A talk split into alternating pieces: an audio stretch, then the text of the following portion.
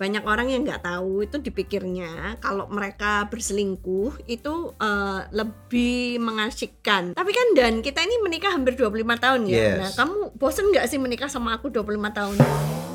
Mana ya?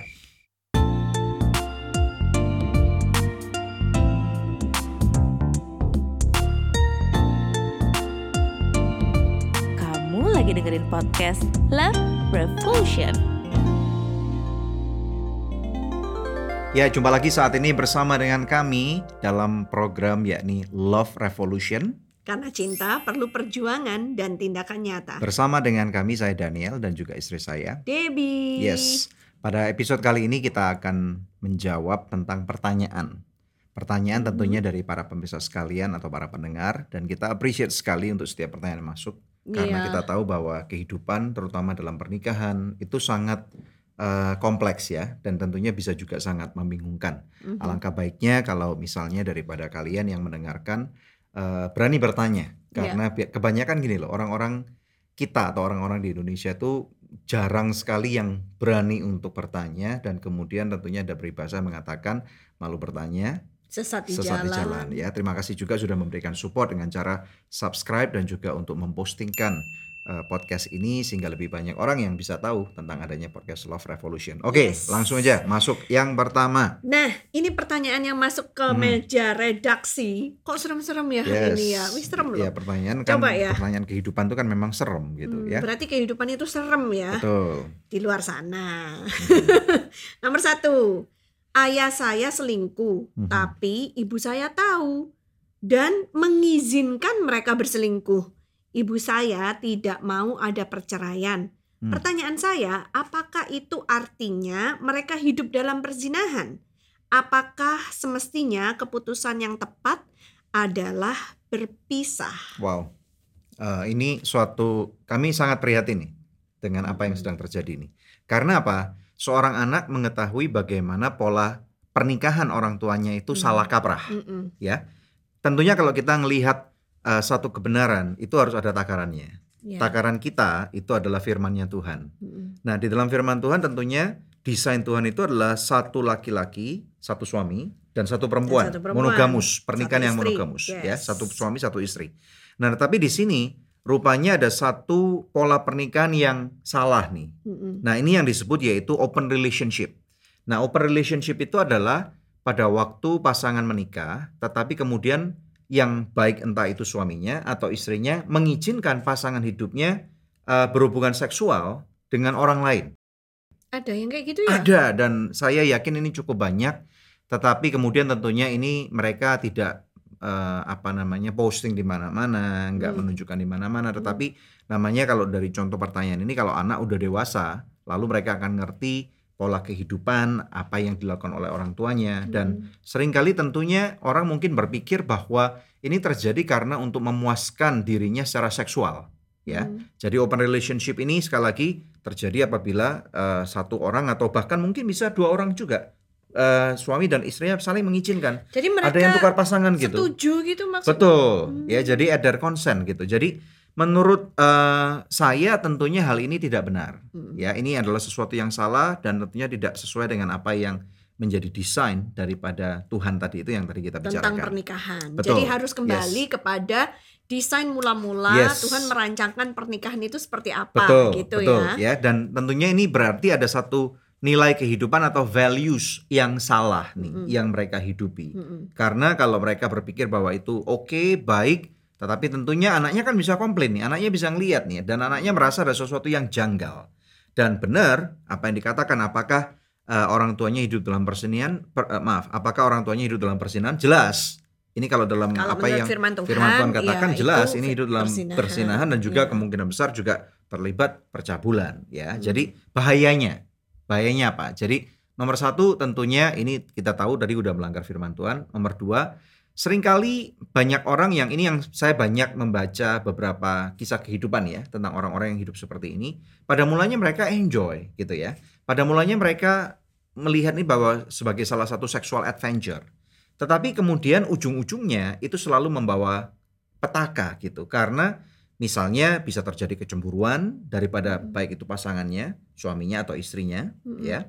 Dan kemudian tentunya terjadi ketidakpuasan sehingga mereka akan mencoba menambah dengan pasangan yang lain lagi.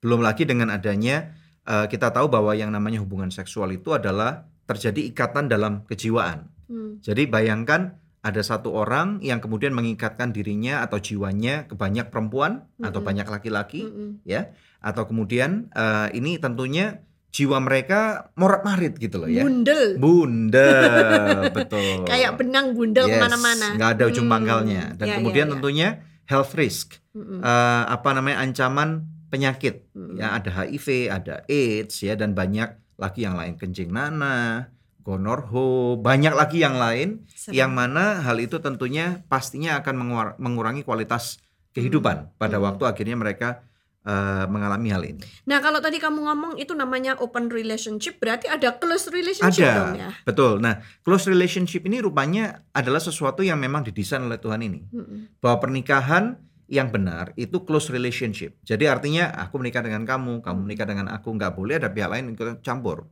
Bukan cuman close relationship Yes. tapi eksklusif. eksklusif. Ya, jadi maksudnya dalam hubungan suami istri pun percintaan ini hanya boleh dilakukan oleh satu suami satu istri. Iya. Ya, jadi eh, apa namanya kita kita diberikan kuasa oleh Tuhan untuk berimajinasi, untuk bisa jalan-jalan, untuk pergi dan banyak sekali yang sudah kita bahas melalui podcast Love Revolution. Jadi nanti bisa diketik ya atau dilihat honeymoon, episode yang honeymoon atau eh, eh, beberapa hal yang lain lagi yang kita ajarkan dan close relationship ini eh sifatnya sangat terbatas sekali. Ada orang-orang yang mengatakan ah bosan ah misalnya eh, berhubungan seks- seksual dengan orang yang sama selama 25 tahun, 30 tahun gitu ya. Nah, ini ini rupanya bagi orang-orang yang open relationship hidup kayak kita ini bagi mereka membosankan. Hmm. Tetapi ini yang mereka gagal paham gitu. Gagal pahamnya apa? Kalau sesuatu itu sifatnya terbatas, Mm-mm. maka kita akan berusaha untuk menghargai lebih, memvalue, menjaga, memelihara. Karena nggak ada gantinya. Misalnya contoh kayak kamu gitu ya, cantiknya luar biasa, merahnya luar Thank biasa, you. my lady in red gitu ya. Praise God. Alright, sometimes my cougar lady gitu. Eh, Eh, yang ups, benar. nggak boleh ya. Dan istilahnya dengan cara seperti itu eh, apa namanya? eh, aku harus dipaksa untuk menghargai kamu, gitu loh. Jadi terpaksa menghargainya. Well, dalam satu kondisi ya, tetapi dalam satu kondisi yang lain, I love you and you love me. Mm-mm. Dan kita kita tahu bahwa kalau misalnya aku memperlakukan kamu dengan tidak baik atau aku tidak menghormati kamu dan aku misalnya akan melakukan fair atau perselingkuhan dengan wanita lain, ada resiko bahwa aku akan kehilangan pernikahan ini Mm-mm. atau kehilangan kamu Mm. Gitu dan itu aku harus menjaganya dengan baik gitu loh.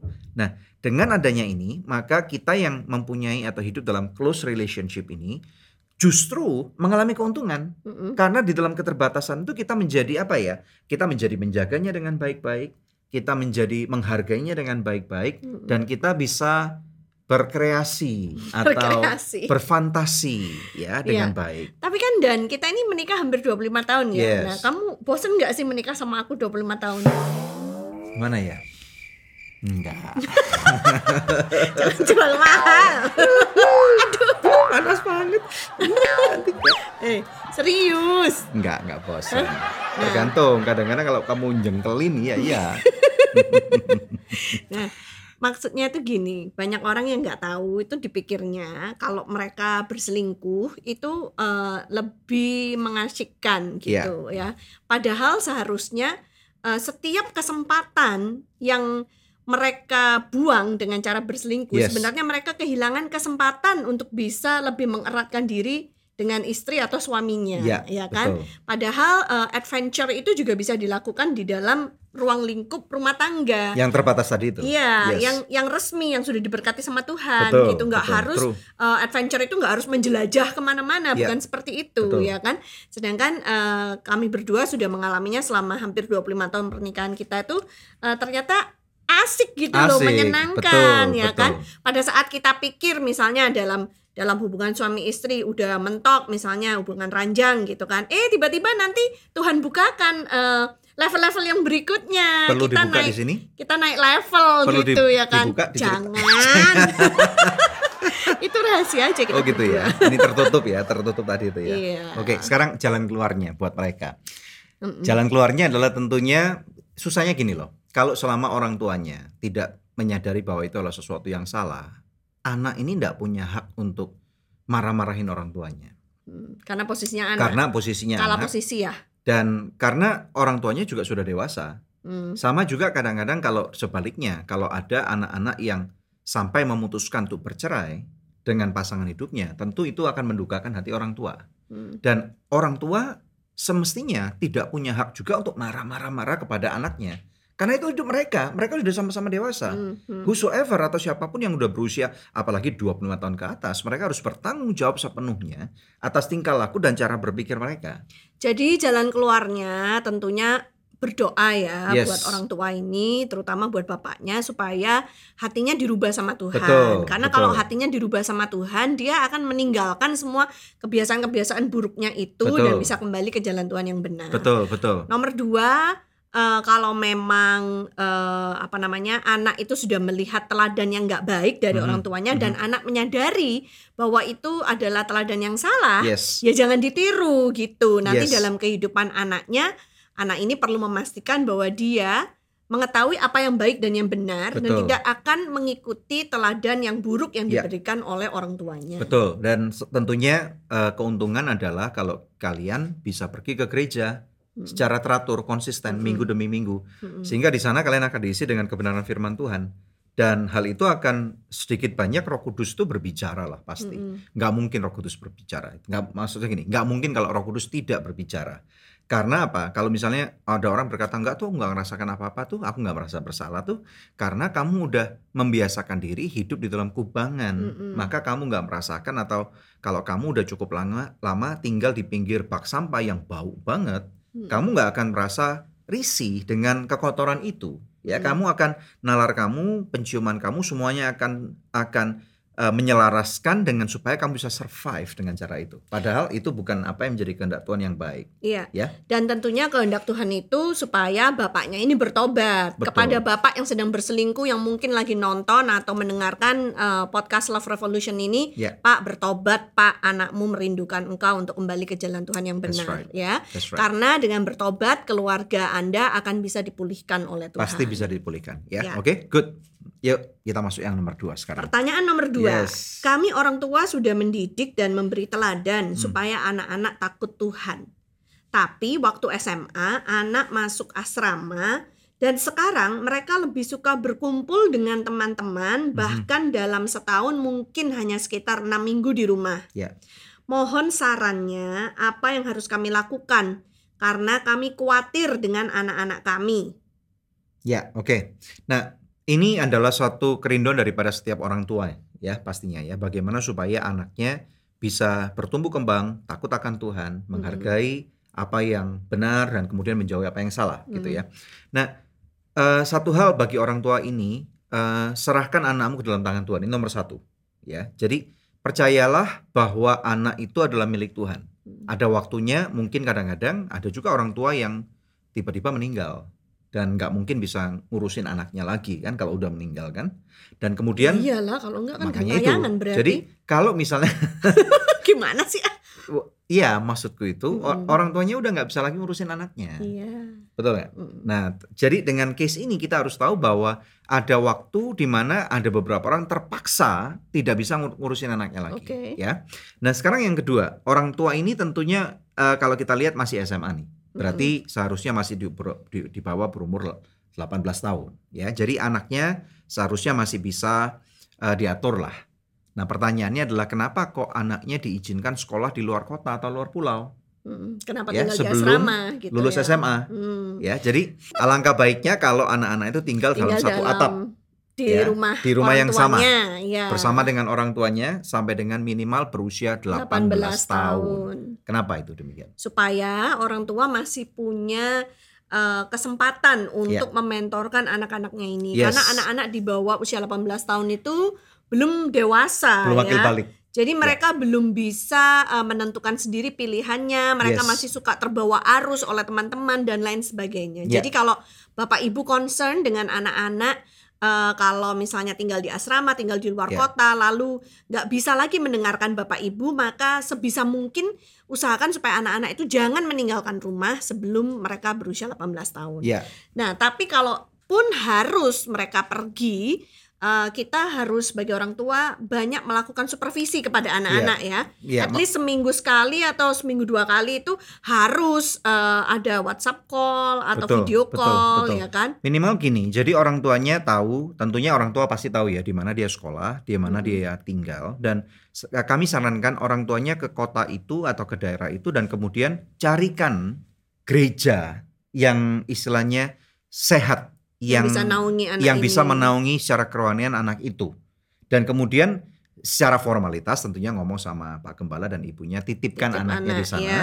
supaya istilahnya setiap hari Minggu atau misalnya kalau ada kegiatan ibadah remaja atau youth Bisa anaknya bisa ikut ya. ya anaknya bisa ikut gitu ya dan Mm. ini akan membantu sekali minimal supaya eh, anaknya tetap dapat asupan rohani mungkin bahkan bisa-bisa sama kualitasnya dengan pada waktu mereka ada di rumah. Mm-mm. nah tadi kemudian kamu mengatakan eh, WhatsApp call minimal seminggu sekali ya. Mm-mm. dan kemudian orang tuanya mempunyai juga jadwal tetap berkunjung ke tempat itu. Misalnya kalau memang waktu dan secara keuangan memungkinkan ya minimal tentunya setahun sekali setahun dua kali sampai setahun lima kali itu jauh lebih baik sesering mungkin yang memang bisa jadi kalau anak nggak bisa pulang gantian orang tuanya yang datang Dan Ya. tips buat orang tua di luar sana yang anaknya harus sekolah di luar pulau atau di luar Yes. kota atau di luar negeri, yes kirim uang secukupnya aja Bapak Ibu, jangan Yes. berlebih-lebihan. kenapa Karena namanya juga anak-anak kalau Hmm. dikasih uang berlebih-lebihan malah nanti akan akan masuk ke jalan yang salah. Maksudnya Yes. gitu. Dengan begitu banyaknya uang, mereka akan punya gaya hidup yang pasti Betul. juga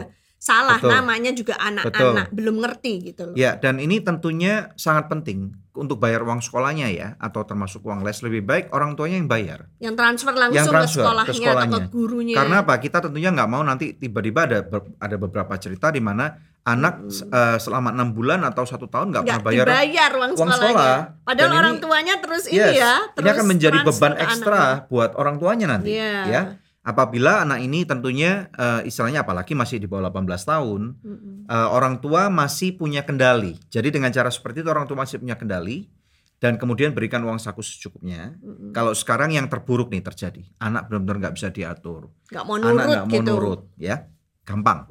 Caranya Apa tuh? gimana? Jangan dikasih duit, ya, Suruh, pulang, ya, tarik kembali. Oke, pulang. Papa mama nggak mau kasih duit ke kamu mulai hari ini, ya, karena kamu nggak mau nurut. Kamu pulang eh, ke rumah, entah kotanya di mana, di Jakarta, Surabaya, atau di Bandung pulang. Kalau nggak kamu hidup sendiri, ya, papa mama tidak mau lagi bertanggung jawab terhadap kamu. Ya, jadi dengan cara demikian, eh, istilahnya kita masih membatasi. Ini pun Mm-mm. sudah terjadi dengan istilahnya pernah pada waktu putri kita sekolah di Singapura pada waktu kuliah Mm-mm. itu saya pun harus make sure bahwa kita yang bayar uang kuliahnya karena jumlahnya sangat gede banget tuh ya. Dan kita nggak mau nanti sampai terjadi hal-hal yang ti- tidak kita inginkan. Mm-mm. kita masih bisa atur dan waktu itu karena putri kami waktu itu masih di bawah 18 tahun dari handphonenya saya bisa kontrol tuh pakai fitur uh, find my iPhone gitu ya. Saya anytime saya bisa cek dia ada di mana gitu ya. Kalau di WhatsApp misalnya udah satu jam dua jam kok nggak jawab gitu ya. Tinggal saya nyalakan aplikasi itu dan saya bisa tahu ada di mana. Kalau misalnya dia di sekolah oh mungkin apa namanya entah ketiduran di sekolah entah ada kelas entah ada Mm-mm. eh, belajar bareng sama teman-temannya. Kalau misalnya jam 10 malam nggak jawab dan kemudian kalau dia nggak ada di kosnya berarti dia lagi keluar di- dari mungkin lagi jalan-jalan dan kita tinggal telepon eh mana lu? Pulang? gitu ya. Mm. udah jam 11 kok belum pulang nih ngapain kamu di sana? Apalagi kita tahu kalau itu tempat-tempat untuk entertainment district misalnya. Tapi dia nggak pernah loh kayak gitu. ya namanya anak Paling di muda lah. Pern- pernah dua tiga kali pernah. Namanya juga maksudnya eh, anak muda gitu lah itu sesuatu yang Hmm. masih lumrah lah ya Dan dia pergi ke Singapurnya usianya udah 18 tahun. lebih dari 18 tahun karena Iya. kuliah perginya Betul. ya oke semoga ini menjawab Oke, Oke, silakan. pertanyaan berikutnya ya nomor tiga. Bagaimana cara merawat orang tua yang Yes. setengah badannya sudah tidak berfungsi? Hmm. Maksudnya pansui gitu ya, ya mati separuh udah kali stroke ya. nih berarti Sementara ekonomi kami bisa dikatakan kurang. Mohon Ya. solusinya Pak. Wow ini berat loh. Karena apa? Eh, orang tua memang eh, tidak seharusnya menjadi beban buat anak-anaknya. Tetapi kita tahu kemungkinan ada aja sesuatu yang bisa terjadi entah orang tua mungkin nggak punya tabungan atau mungkin bangkrut ya. Dan ini dalam case yang uh, berarti kekurangan uang dan kemudian sakit stroke yang sakit parah dan ini parah sekali ya. Nasihat kami adalah tentunya orang tua tidak boleh dianggap sebagai beban. Mm-mm. karena uh, istilahnya kita punya satu apa ya tanggung jawab pada waktu dulu kita waktu kecil dibesarkan oleh orang tua kita dan orang tua kita belum tentu dalam kondisi yang terbaik juga. Iya, Ya. mungkin juga waktu itu kekurangan uang. Betul, betul. Tapi Hmm. orang tua nggak masukkan ke Panti uh, asuhan. panti asuhan. Jadi sekarang tanggung jawab kita sebagai anak harus menjaga orang tuanya dengan baik. Ya. ya. Nah, kalau misalnya nasihat kami adalah kalau misalnya kamu bukan anak tunggal, misalnya punya kakak atau adik berdua, bertiga, berempat atau berlima, Mm-mm. maka adakan meeting keluarga dan kemudian rembukin bagaimana caranya supaya masalah ini bisa diselesaikan dan menjadi beban bersama. Mm-mm. Jadi patungan gitu ya untuk Yes, biayanya biaya yang patungan ditanggung untuk bersama. betul. dan juga untuk jaganya perlu patungan gantian. Gantian untuk menjaga. Betul. Dan kemudian tentunya yang punya uang lebih banyak eh, harus mengambil porsi lebih yang lebih banyak. Nggak Hmm. perlu istilahnya kamu kok sedikit, aku kok lebih banyak, kok nggak adil gitu ya. Nah Hmm. susahnya gini nih, kalau misalnya hal itu terjadi pada kita Deb, ya, Mm. pada misalnya orang tuamu atau orang tuaku dan kemudian misalnya bagaimana meyakinkan supaya pasangan hidupnya bisa mempunyai perasaan dan beban yang sama nih. Menurut kamu gimana? Waduh, ya itu harus dari awal pernikahan kali Yes. ya. Jadi dari awal pernikahan tuh harus ditanamkan bahwa orang tuaku adalah Hmm. orang tuamu dan orang tuamu adalah orang tuaku juga Yes. gitu. Jadi kita memperlakukan eh, orang tua kita dan mertua kita secara adil gitu. Ya, ya. Kalau dari awal masuk dalam pernikahan sudah mulai banding-bandingkan gitu. Itu kan orang tuamu kan bukan orang tuaku. Nah, itu sudah Hmm. tidak bagus dasarnya gitu. Kalau basicnya bagus, maka ketika hal itu nanti terjadi, itu Yes. akan lebih mudah untuk pasangan hidup kita itu bisa eh, ikut merasakan beban yang sama dan dia tidak akan merasa keberatan apabila eh, harus mengeluarkan uang untuk Betul. lebih untuk orang tua kita atau untuk menjaga merawat orang tua kita. Betul. Apalagi kita tentunya orang-orang Indonesia itu lebih kompleks ya karena kita menjaga nilai kekeluargaan itu sangat erat. Hmm. Nah, kalau ini coba perbandingan aja orang-orang yang ada di di misalnya negara-negara barat seperti Australia atau mungkin di Amerika Serikat gitu ya. eh, lebih saklek gitu. Karena mulai dari usia kebanyakan nih ya, nggak semua. 18 tahun ke atas anak-anak sudah harus hidup sendiri. Istilahnya orang tua udah ngelepas. Ada yang secara literally itu nge- ngebuang anaknya. Udah, papa mama nggak mau tahu. Ini urusan kamu. Kamu mau sekolah, mau masuk penjara, mau apa, none of my business Hmm. gitu ya. Nah, dengan cara itu berarti orang tua pada waktu tua mereka juga harus bertanggung jawab akan dirinya sendiri. Hmm. Ini yang sering kali terjadi di luar Mm-mm, negeri yang karena- mungkin kita lihat di film-film yang kita nggak Mm. bisa ngerti kenapa orang tuanya akhirnya harus masuk ke rumah jompo. Hmm, karena mereka waktu masih muda nggak pernah memperhatikan anak-anaknya, nggak Exactly. ada relationship gitu Exactly, ya. exactly. Nah, Eh, kembali kepada pertanyaan yang Yes, tadi itu ya yes, Daniel. yes, Jadi yes. kan karena mereka kekurangan ekonomi, maka saran kami pastikan punya BPJS Betul, gitu ya. oh ini penting banget. Karena BPJS Yes. itu diadakan oleh pemerintah supaya eh, mengurangi beban Mhm. kita dalam hal eh, kesehatan, biaya Ya, kesehatan. betul, betul, Ya kan? betul. Makanya itu eh, apa namanya pada waktu kita bersyukur banget ya kalau di negara kita sekarang sudah ada BPJS dan yang lain-lain sehingga pada waktu ada orang sakit ini berarti orang itu masih ada harapan lah. Ada Mm. maksudnya dimanusiakan lah oleh negeri ini. Mm-mm. Kita bersyukur banget kita punya pemerintah yang sangat tanggap dalam Mm. hal ini ya. Dan kemudian tentunya mungkin perlu cari cari kerja tambahan untuk Mm. mendapatkan ekonomi ekstra. Mm-mm. Apabila kamu adalah anak tunggal, nggak punya kakak adik, berarti kan nggak bisa patungan tuh. Hmm. Ya. Maka suami istri harus bekerja sama nih. Kalau kedua-duanya kerja, berarti kan nggak ada orang di rumah. Siapa nanti yang yang Ya. Exactly. akan merawat orang tua yang sedang sakit ini, gitu Ya. kan? Jadi eh, berusahalah supaya suami istri ini bisa mendapatkan pekerjaan yang shift. Ya. Misalkan suaminya shift malam, istrinya shift pagi, gitu kan? Nah jadi dicari kesempatannya apa untuk bisa kerja shift malam Betul, gitu. betul. Kalaupun misalnya uh, ikut orang nggak ada shift malamnya, ya udah mulai berusaha mungkin buat roti atau Ya. uh, buat makanan yang mana orang-orang yang bikin yang jual makanan atau jual roti itu biasanya bikinnya selalu malam hari karena pagi hari langsung dibawa ke Yes. toko atau ke pasar untuk dijual gitu kan Ya, ya. Dan tentunya kita juga nggak boleh lupa untuk berdoa ya. Tentunya Mm-mm. kita kita minta hikmat. Maksudnya berdoa itu bukan supaya Tuhan memberkati dan kemudian tiba-tiba ada uang 10 miliar eh, jatuh dari surga gitu bukan Koin seperti itu. semua ambruk. Ya, bro kan. Jadi istilahnya supaya minta hikmat, minta Mm-mm. kekuatan dan tentunya kita berdoa supaya keluarga kamu juga akan mengalami terobosan Amin. ya dalam Mm-mm. kesehatan ataupun juga dalam perekonomian karena Mm-mm. kita tahu Tuhan yang memberkati keluarga Iya. kita. Ya. Dan tips buat yang punya saudara-saudara, kalau ada saudara yang lebih kaya di dalam keluarga itu, Mhm. pastikan kalian nggak jadi orang yang ngatur, karena biasanya yang paling banyak duit itu yang paling ngatur. Lalu kemudian eh, sering nggak terima gitu kan, karena dia mengeluarkan uang lebih banyak, dia menuntut lebih banyak, adik-adiknya harus begini, begini, begitu gitu. Tapi dia sendiri nggak mau kalau di gilirannya menjaga, dia cuma mau Iya. mengeluarkan duit saja. Nah itu juga nggak boleh gitu, Ya, harus mungkin mau mungkin gini untuk kata-katanya. merawat juga.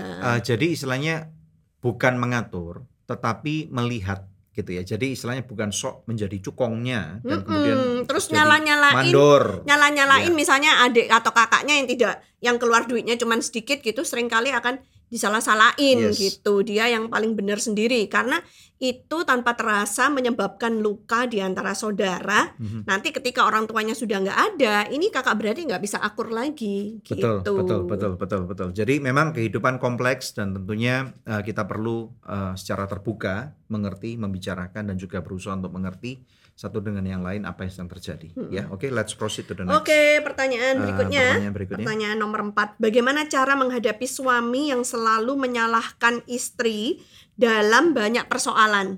Bagaimana ya Dan? Menurut kamu bagaimana?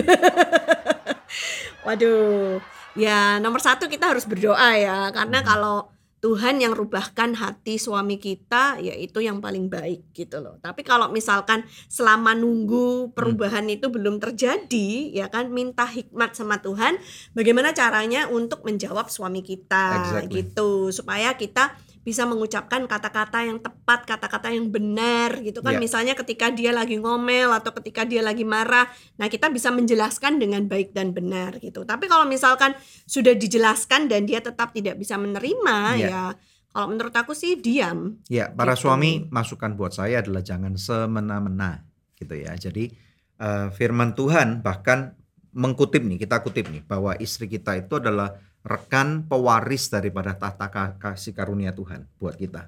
Jadi kalau kita mau semena-mena dengan pasangan hidup kita, bahkan kemudian mau menang sendiri, bahkan misalnya verbal abuse atau bahkan physical abuse itu wah salah kaprah gitu ya. Jadi kita nggak mau jadi orang yang seperti itu ya. Hmm. Jadi semoga dari apa yang kita udah eh, bahas ini dan kita udah jawab ini bisa membantu Daripada orang-orang untuk keluar daripada pergumulan mereka. Dan namanya istri juga berusahalah untuk Yes. introspeksi diri sendiri gitu kan ya, karena kita juga nggak tahu cerita sedetailnya seperti Yes. apa gitu. Mungkin juga eh, suaminya itu punya ekspektasi supaya istrinya begini begini begini dan ibu selalu melakukan kesalahan terus, jadi makanya dia jengkel gitu. Jadi introspeksi untuk bisa menjadi pribadi yang lebih baik Tentu. gitu ya. Yes. Tapi yang Yes. jelas kalau memang tidak bisa dijelaskan, diam dan berdoa itu adalah sikap yang paling baik supaya pernikahan ini bisa bertahan. Betul. gitu. Ini pertanyaan yang terakhir ya. Waktunya udah sangat mepet. Apa yang mesti dilakukan sebagai suami ketika istri menggugat cerai tetapi saya suaminya tidak mau cerai ya. Ini saya jawab susah. Kamu dalam kondisi yang sangat susah. Karena pada waktu pernikahan kemudian terjadi keributan yang sangat luar biasa dan kemudian nggak ada yang mau saling ngalah atau bahkan terjadi satu hal dan yang lain. Salah satu pihak mulai melakukan gugatan ke pengadilan Mm. ya. Sayangnya pengadilan di Indonesia itu tidak eh, memberikan kembali kepada rumah ibadah itu untuk menyelesaikan dengan sungguh-sungguh. Sayangnya, secara Hmm. teoritis mungkin tertulis iya.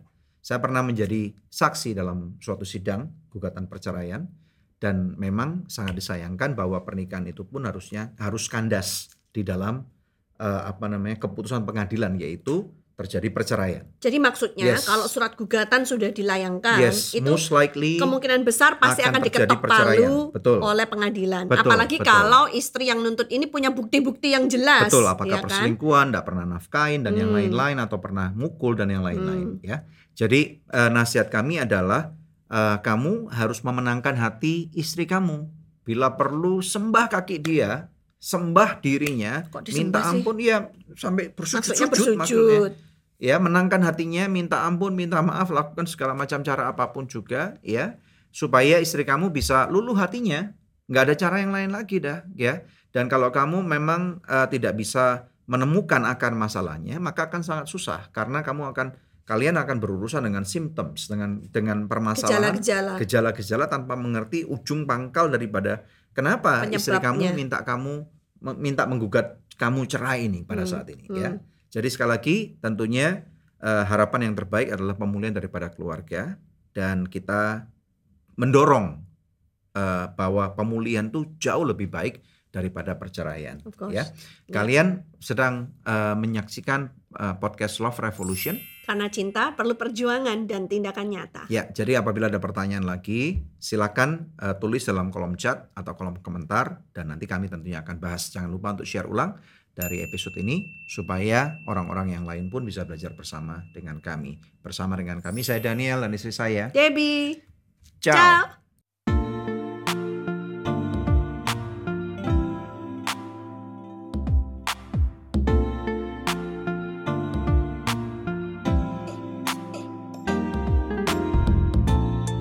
Kasih sudah tune in di podcast Love Revolution. Kalau kamu ngerasa feel-nya dapet banget nih sama konten ini, langsung aja bisa share di sosmed kamu. Dan jangan lupa untuk tag dan juga follow Instagram Daniel Hendrata dan juga Debbie Katarina. Kalau kamu mau belajar lebih dalam lagi nih tentang konten Love Revolution ini, kamu bisa dapetin bukunya di Tokopedia. Next on podcast Love Revolution. Tetapi setelah punya anak banyak orang malah mereka nggak tahu apa yang harus dilakukan. Generasi alpha dan yang lain-lain. Nah kita akan bicarakan ini supaya kita tahu apa dan bagaimana caranya kita menjadi orang tua yang bijak pada generasi ini. Di meja makan Hmm. atau kalau lagi dalam perjalanan Mobil. di mobil Yes. itu nggak boleh ada gadget.